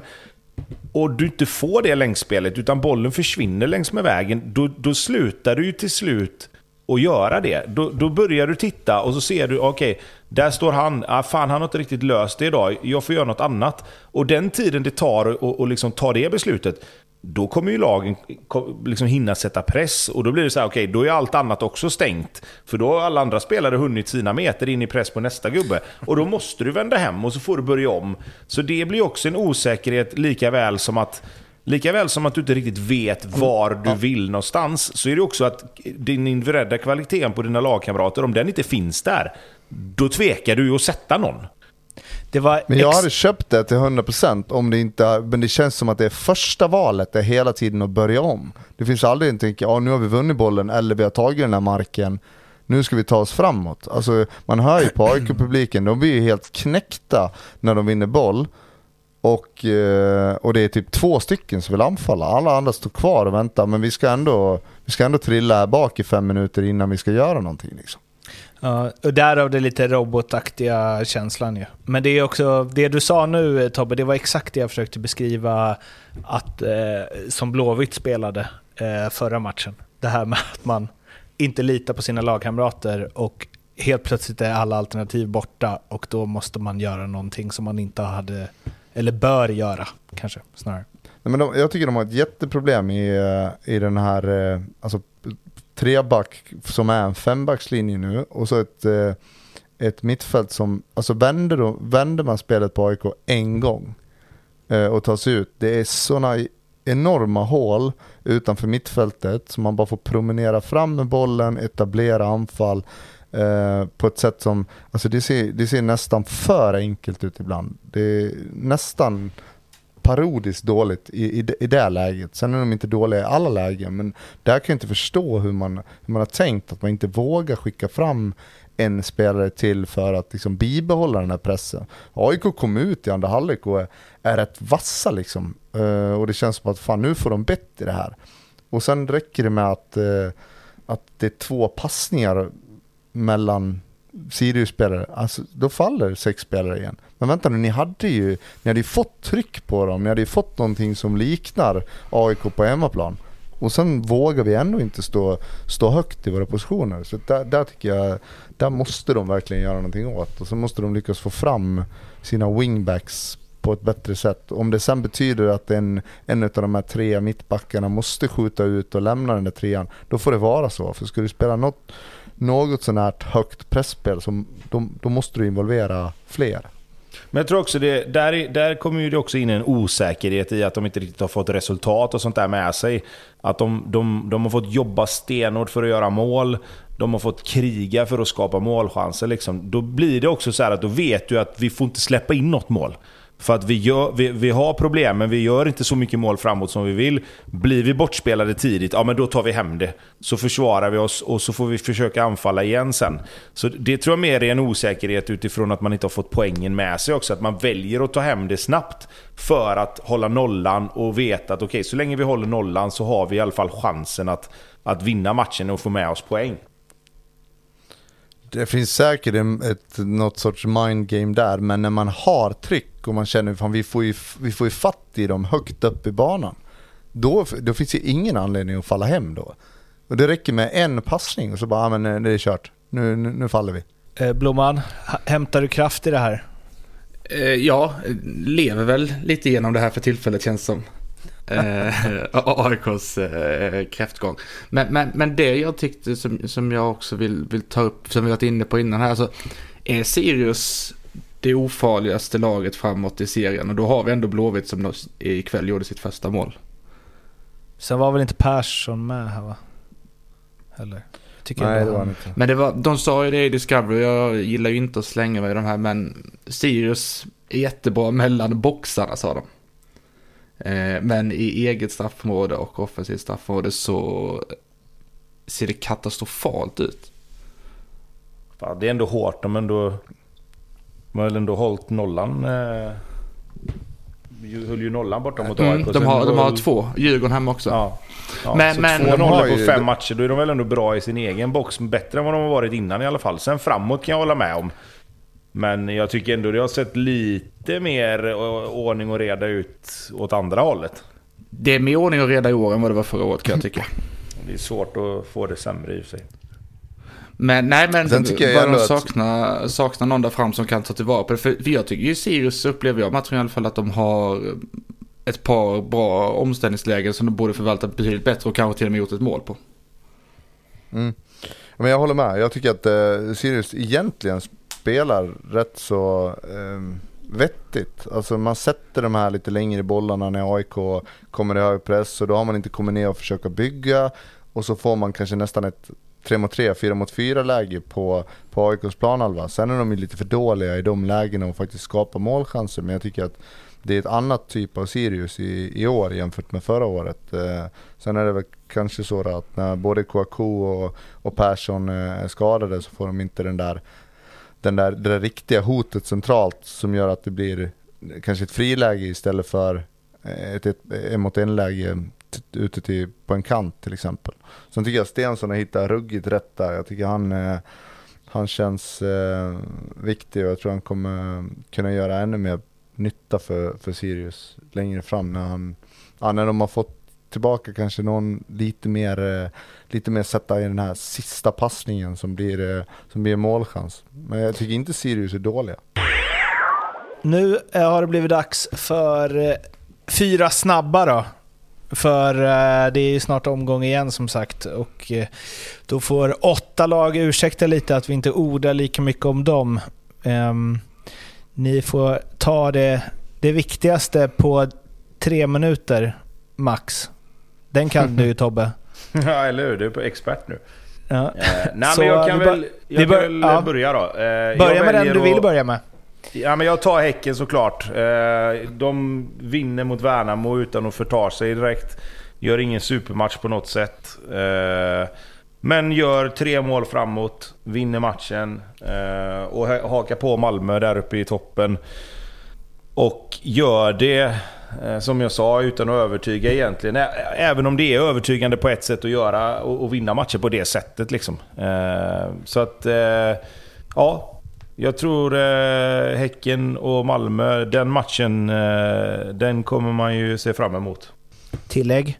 Nej, det är väl att eh, Traoré fortsätter göra mål även om det var på, på straff. Eh, och att eh, den gode vänsterfoten, nu tappar jag namnet. Rygård. Eh, fuck jag, Rygaard. Rygård ja. Tappar namnet på honom av alla människor. Men eh, också gör mål. Eh, det, det ger dem ju kapital på något vis.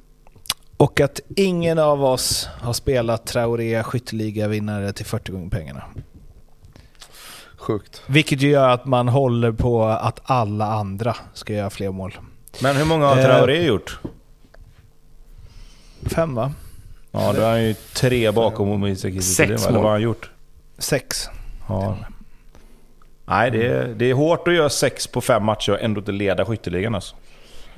Det känns som Men att det det, man kan väl säga kanske mer om Häcken, det är väl också att, att man trots alla de här skadorna på nyckelspelare fortsätter att vinna. Nu kanske inte Värnamo är, är, är liksom seriens bästa, eh, tuffaste motstånd på hemmaplan, men, men man vinner med 3-1 och man gör det komfortabelt och, och de spelarna som behöver kliva fram när vissa är borta, Oden Larsen, Rygaard, de gör sina, sina mål och eh, allt är frid och fröjd än så länge. Ja, och sen har ju faktiskt Uddenäs kommit in och gjort två, ja, både ett, ett mål och ett assist. Kanske till och med fler assist. Eh, från ingenstans lite, för han tänkte man ju fan, han har hamnat i ett fack här nu där han inte riktigt får spela. Och de skickar in eh, både Dabo och, och liksom Sonko innan honom. Och nu har ju, nu har ju vet du, Sonko varit skadad och haft känning också, men han kommer ju in här nu och ger sig själv minuter och, och, och, och kastar in sig själv i ekvationen igen. Så att det är ja, men otroligt eh, starkt gjort att, att komma tillbaka på det sättet som han också har gjort. Då. Märklig grej dock att eh, Traoré ger bort den andra straffen. Nej, det måste vara för att han Romeo riktigt, ska få göra mål eller? Ja men eh, han gjorde inte det. Nej, men, nej, nej såklart. Men, men jag tänker väl att... Men det, han har ju gjort mål. Han gjorde ju mål i premiären mot Elfsborg. Ja, det gjorde han. Ja, då är det ännu konstigare. Mm. Det tänkte inte jag på, för det var min första tanke att han vill att, de vill att han ska få göra sitt första mål. Men det har du helt rätt i ju. Så det, det var ju... Nej, då är det ju ännu mer ofattbart. Den hade man ju aldrig gett bort. Det känns inte som en... Nej. Eh, Minuspoäng på den. ja. Ja, det var ju kapten i fantasyn. Det gick topplocket. Kan jag meddela. Mm. Själv hade man Isak Kiese där. Rutti. Riktigt tränarämne Tobbe. Precis. Ehm, då Halmstad BP då. Linnér inte med igen. BP nolla igen. BP tre poäng igen. Ja, eh, börjar ju med något... Eh, det är ett slarvigt rött kort. Jag, alltså jag förstår inte. Halmstad med, och nu handlar det om tränarna, men som de har sett ut de första matcherna. Varför håller de på att spela runt eget straffområde? Det är helt ofattbart. Så Valentin gör får en halvdålig touch och så första gula och sen är det gult kort och straff i nästa situation och sen då är matchen, den är ju förlorad redan där. Så det, det kändes ju som ett riktigt eh, rookie-rött kort. Eh, Ackerman, konstigt avslut eller? Snyggt mål men jävligt märkligt avslut. Snacka om att ta den i steget eller? Ja, Det var ju typ facit på det. ja det var det verkligen. Ehm, Nej, det är bara... Alltså, ja, det, jag var, tycker... det var väl det typ. Ja, men jag tycker, jag tycker alltså, fan, vi... Vi pratade om BP de här första matcherna, och framförallt efter matchen mot Elfsborg, att de måste skärpa till sig och de måste bli mer cyniska och de måste liksom... De kommer, de kommer gå käpprätt ur. Och sen så bara två raka nollor, två raka vinster. Och så helt plötsligt så bara, ja, då var de på banan och nu har de tagit sina poäng. Som, som de behöver känna liksom att det här löser vi ju, allsvenskan inga problem. De kommer ju ta fler poäng liksom. De, de kommer ju spinna vidare på det här och deras unga killar kommer få lite råg i ryggen och så helt plötsligt så är, så är de också uppe och, och kanske slåss lite högre upp. Nu är det en lång, lång säsong visserligen och det hinner hända mycket igen men det tror jag inte de lagen där nere var, tyckte var så jävla bra att de fick fart. Nej. Det är ju... På, Lyssna mer på ljugarbänken om det går tungt för er, helt enkelt. Man liksom... men är det inte lite ofattbart? Alltså, på tal om topplock, tror du inte att eh, alltså, Haglund måste ju ha varit skogstokig? Alltså, Halmstad, det finns ju ingen sorts hybris i det de gjorde där. De har ju ruggigt strikta, så här vill vi göra. Eh, och så bjuder man bort, ja man ger ju bort matchen på ja, på att lira boll runt straffområdet. De har inte gjort det en gång på de tidigare fyra omgångarna. Ofattbart för mig.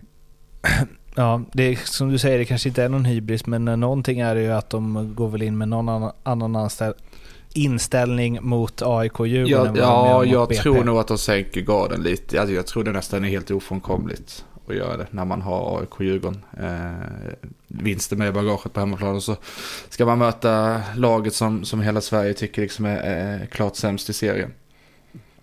Fast då blir jag så här, eh, är, när man är Halmstad, ska man ha den svansföringen då att man gör så? Är inte fortfarande BP ett lag som Halmstad ska ha efter sig liksom? Är det inte ännu viktigare i en sån match att okej, nu har vi tagit två bonusvinster här. Nu, nu kommer en match som vi verkligen, nu måste vi verkligen hålla oss till det vi har sagt att vi ska göra. För gör vi inte det, då kommer vi förlora den här matchen på eget grepp. Alltså det finns inte en chans i hela världen att Magnus Haglund har gått eh, innan matchen och sagt grabbar nu ska vi förändra det här och så ska vi eh, spela tiki-taka i egen box. Liksom. Det, det, det, det finns inte på kartan. Ja, men det kan ändå smyga sig in en, eh, att man känner sig bättre än motståndarna innan matchen börjar ju. Ja, alltså jag Absolut. menar inte att det kanske är från Haglunds sida utan snarare spelarna i så fall. Som då leder till att man står och kör tiki-taka i egen box. Varberg-Kalmar. Där missar ni något, alla ni som inte såg den. 0-0. Bumper, Martin. Det var ett highlights-paket på, vad sa du, 1.16? Ja, det, nu, nu såg inte jag mycket av den här matchen och det är nog, ska vi nog vara glada för. Det lät ju inte som någon, det var ingen sprudlande tillställning. Det man kan säga är väl att Varberg fortsätter att ta poäng. Liksom. Man kryssar sig till eh, pinnar. Fyra kryss hittills har de ju. Det är ju det är de och Sirius som kryssar på. Var det inte Sirius för några år sedan som hade extremt många kryss va? Jo, Ja, jag tror det. Kolla aldrig en bra story som du brukar säga. Nej, exakt. Eh, Kalmar missar chansen att ta fjärde raka va? Ehm, med den. Eh, Är ju ändå med uppe. Jag vet inte om det är eh, så som Kalmar spelat hittills och eh, det som har blivit Kalmar under de senaste åren. Ska de vinna borta mot Varberg? Definitivt. Ja, jag är inte så säker på det.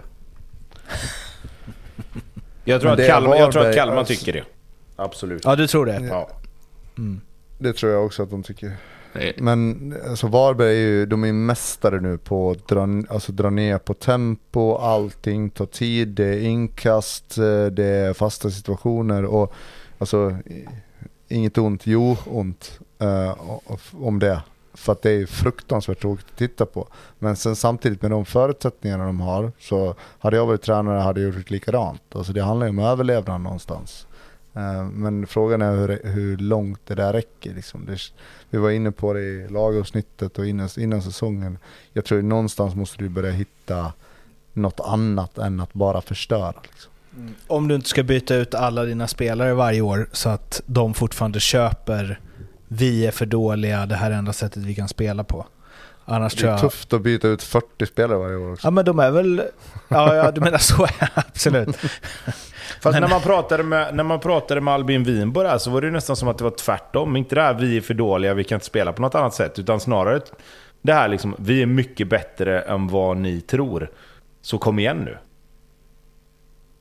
Det var ju så han kände, liksom att Jocke Persson fick alla spelare att tro att de var bättre än vad de kanske egentligen var. Hur jävla dåliga är de egentligen? Alltså, nej, det, var, det blir nästan... Man, för jag tänker att man som spelare, om man på något sätt... Jag vet inte, att man inte vill spela sån fotboll kanske. Det kan inte vara så kul. I alla fall inte år tre. Så här, vad ska vi göra i år? Jo, vi ska hänga kvar. Hur ska vi göra det? Ta poäng. Det spelar ingen roll hur det ser ut. Alltså, Fast jag tror också de, de flesta spelarna kommer ju från lägre divisioner och får sin chans att visa upp sig i, i finrummet så att säga. Och de som har varit med lite längre, de vet ju också precis vad de ger sig in på. Mm. Det, det är det här, I signed up for this liksom. men det är det Ja. med att man måste byta ut spelare i, ett, i något sånt. Liksom. Alltså, för Ja, vissa men- spelare ja, kanske. kanske. man ju ändå, om man hade spelat jätterolig fotboll, så kanske det är lättare att behålla spelare ibland. Jo men sen är det också, det, det pratade vi också med honom om att det var ju det kanske de gjorde felet förra året när de fick kvala. Att de, de, nu är det år två, tre, liksom, vi måste addera någonting. Och så försökte de göra det och så gick det åt helvete. Då är det klart att då går man ju tillbaka till det man har gjort bra innan och så börjar man där liksom. Mm. Mjällby-Elfsborg, 1-0-seger. Oälvsborgigt. Åker till Strandvallen och tar en trygg, trygg etta med ett mittbacksmål med 15 kvar. Ja, nu var det inte så tryggt. Jag tycker Elfsborg gör sin sämsta match för säsongen. Eh, inkluderat premiären. Eh, Vad hade vi i premiären? Häck. Häcken. Eh, just det, Eh, just jag, ty- jag tycker Mjällby är bättre egentligen hela matchen. Eh, Elfsborg väljer att spela, spela långt på gräset. Känns inte som att de är riktigt trygga i att att göra det som de borde göra på något vis. Men eh, Mjällby går inte riktigt i fällan heller. De, de går fram och sätter lite press men har bättre koll eh, på den här längre bollen eh, som till exempel Degerfors inte hade. Det blev liksom inte 3 mot 3, 4 mot 4 lägen på Mjällbys planhalva. Så Valdimarsson räddade ju Elfsborg eh, ett antal gånger. Eh, Frick skadad igen. Så att eh, det, det var inte bra för mitt eh, säsongsspel dock. Jag hade tänkt att han skulle spela nästa match. Det, det är ju ett, jag har berättat det där, om det där säsongsspelet för folk. Eh, de är imponerade tills jag berättar vad oddset är. Ja, ja, det- jag blir inte rik, det kan jag Ja, säga. men det är ett helt sjukt lågt odds alltså. Jag tänker på det Okej. varje gång, Nej, men- att det är helt sjukt att du bara fick det. Ja det är faktiskt helt sjukt. Men eh, samtidigt, jag vet inte om man ser tillbaka till matchen så är det väl, det är väl också en, ja, lite så här styrkebesked av Elfsborg. Nu börjar man kanske se ut som ett topplag lite grann igen. Att man kan vinna fast man inte är bra och man är målvakt som gör avgörande räddningar. När väl chansen dyker upp så gör man 1-0 och, och det om något är väl ett, är väl ett topplagstecken eh, kan jag tycka. Men du, Eh, sen var Boateng var inte med igen. Eh, det är någon kommunikations... Eh, det är ett, eh, ja. Det är rätt mycket snack om det där i Borås. Varför han, inte, varför han är avstängd och varför, han, varför man inte kommunicerar någonting. Jag kan tycka att det är bättre, och det tycker jag nästan alltid, men det gäller väl de flesta allsvenska klubbar, Elfsborg inkluderat. Alltså, det blir så jävla lockigt på med allting hela tiden. Så man, jag är rätt trött på det där. Jo, Säg men här, men här, finns så- ju, men här finns ju, det är bara att gå till, till situationen som var med Tobias Sana där. Det finns ju ett arbetsgivaransvar där också. Att du får ju heller inte kommunicera ut vad som helst. Eh, det lärde man ju som inte annat där ju. Att, att det finns, alltså arbetsgivaren har ju ett ansvar att, att se till att vissa saker är ju locket på liksom. Eh, Och det här kan ju vara en sån grej. Nu kan jag ju inte det tillräckligt bra för att veta exakt vad man får och inte får kommunicera ut. Men jag vet att det var ju, det var ju snacket och det var ju det som var grejen lite grann i, i, den, i den röran liksom. De slag, sakerna slår heller aldrig fel.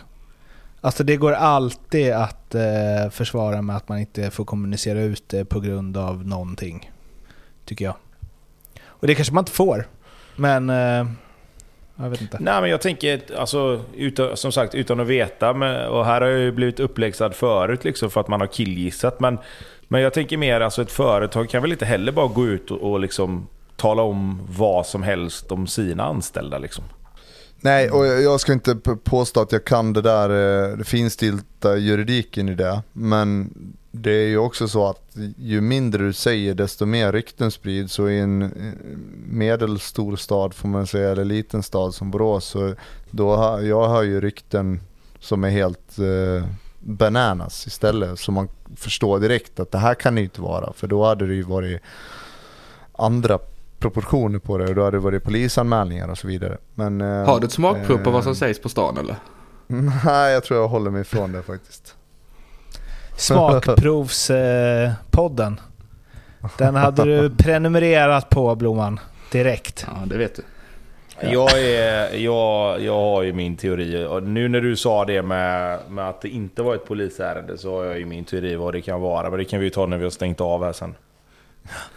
Och den De kommer alltså... dra den då. Den podden Nej. kommer sen ligga under Patreon, kosta den kommer Mårten ta 10 000 off-pod sen kronor. nästa avsnitt. Men då har ni också fyra timmar Tobbe Hyséns teori. Så det är inte, inte kattpiss. Strukturerat och, Om man ska säga eh, någonting om strukturerat också och kanske. upplagt på samma sätt som Blåvitts nya tekniska direktör ska sätta fart på Blåvitt. Exakt så. Ja, precis så. Ja, Mjällby. Nej men det var, eh, som jag sa så tycker jag att de, de styr och ställer ganska bra och de skapar en hel del chanser. Och, alltså Rosengren, det känns bara som att man blir bättre och bättre. Det är ett enormt lugn på bollen och, och vänder och vrider. Jag ser, ser verkligen inte hur han ska vara kvar i Allsvenskan längre än max det här året. Sen ska det bli kul att se, eh, AIK ska ju till Strandvallen på onsdag va? Ja. Och det tror jag kommer bli ruggigt tufft för Gnaget. Det kändes som att eh, Mjällby fick inte ut riktigt det de ville. Eh, lite frustration och inte få med sig inte ens en poäng mot Elfsborg när man gör en bra match. Så att jag tror att det kommer bli eh, spelvärde i den ettan. Det var det. Om inte Tobbe, nej Tobbe, just det, du har vi redan börjat förbereda här extra avsnittet på Patreon där. Eh, vi hörs ju redan på fredag va, om jag inte är snett på det. Med ett nytt avsnitt efter eh, nästa omgång. Tills dess så hör av er om det är något. Ni kan de sociala kanalerna och eh, må bra. Hej då. Vi, vi kanske ska säga det att det Ha det var, bra. var ett skämt det där med Patreon. Ja, men vad fan. det blir vad men tror det finns- du om våra lyssare? Nej, men jag egentligen? vet ju att det finns, det, det finns ju de som är lika dumma som dig. Så. Ja, och då får man stå sitt kast. Det har jag gjort hela livet. Ja, Då får jag man sitta där och FM ska, och har jag suttit och skrivit ner här nu i mitt nya kompendium som, som handlar om Var det här. tydlig. Ja. Skicka vidare det till Ola Larsson. Var tydlig. Precis. Tydlighet, Ja. stora bokstäver. Ja. Hej hej! Hej. Hej. Ha det bra.